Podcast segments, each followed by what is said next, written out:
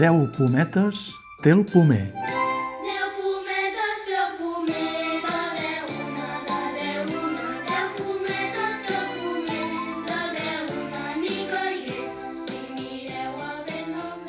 L'any 1979, ha plogut molt des d'aleshores, l'editorial Tusquets va saltar de la poltrona quan va saber que el Premi La Sonrisa Vertical de relats eròtics l'havia guanyat un original presentat amb el pseudònim d'Ofèlia Dracs, que amagava vuit autors encara joves, com Quim Monzó, Joaquim Carbó, Jaume Fuster, Jaume Cabré, Josep Maria Illa, Xavier Romeu, Joan Render i Joaquim Soler.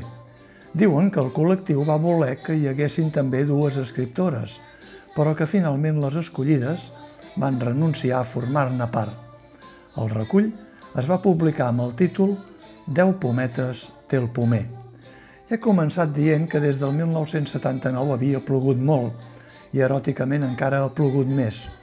A la dècada dels 70 del segle passat encara es vivia l'eufòria postdictadura i el despertar de tabús com el sexe i l'erotisme.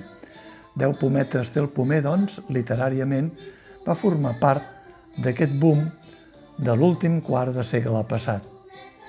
Si bé aleshores, com deia, dues autores van renunciar a formar part del conjunt de relats, el veto o autoveto femení ja fa temps que s'ha superat i una mostra recent és l'espectacle Discòdrom 0,0, que parteix de quatre relats eròtics escrits per quatre autores, quatre històries que poden semblar ficció, però que ja se sap el que diuen.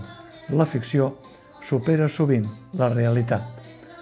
Tothom, qui més qui menys, coneix la lletra de Deu pometes té el pomer, una cançó infantil que deu amagar el seu misteri eròtic, perquè els d'Ofèlia Dracs el triessin com a títol.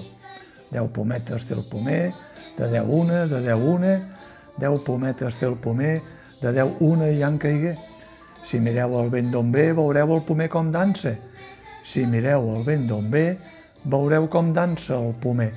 Doncs això, a l'espectacle Discòdrom 0,0, ho aclareixo de seguida, no sona aquesta cançó popular infantil perquè la pista del Teatre Gaudí Barcelona, pelada d'escenografia, s'ha convertit en la pista d'una discoteca i les actrius no es conformen a amanir les seves intervencions, quatre monòlegs de gran complexitat pel contingut, amb el que expliquen, sinó que també suen la cancel·lada, movent els malucs a ritme de discoteca i una il·luminació de waka, que no s'ha de confondre amb la malaurada polèmica que envolta actualment la discoteca Waka de Sabadell.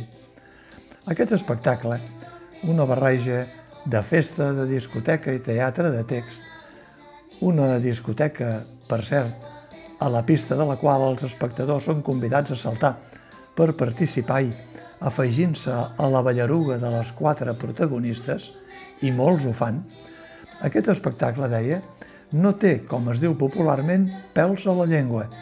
Les seves autores, que ja havien publicat altres relats eròtics, exploren totes les inquietuds, les fílies, les fòbies, els recursos i les fantasies eròtiques des del punt de vista femení.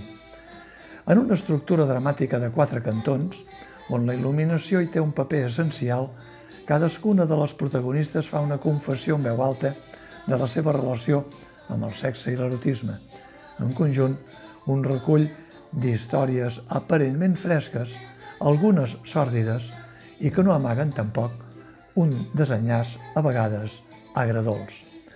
L'espectacle, que han adaptat dramatúrgicament i també dirigit les dues ànimes del Teatre Gaudí Barcelona, Ever Blanchett i Maria Clausó, parteix de la impressió que els dos van tenir en una lectura d'un premi literari de relats eròtics fa set anys, protagonitzada per una de les autores, Dennis Selig, que havia guanyat amb el relat Benvinguda Júlia.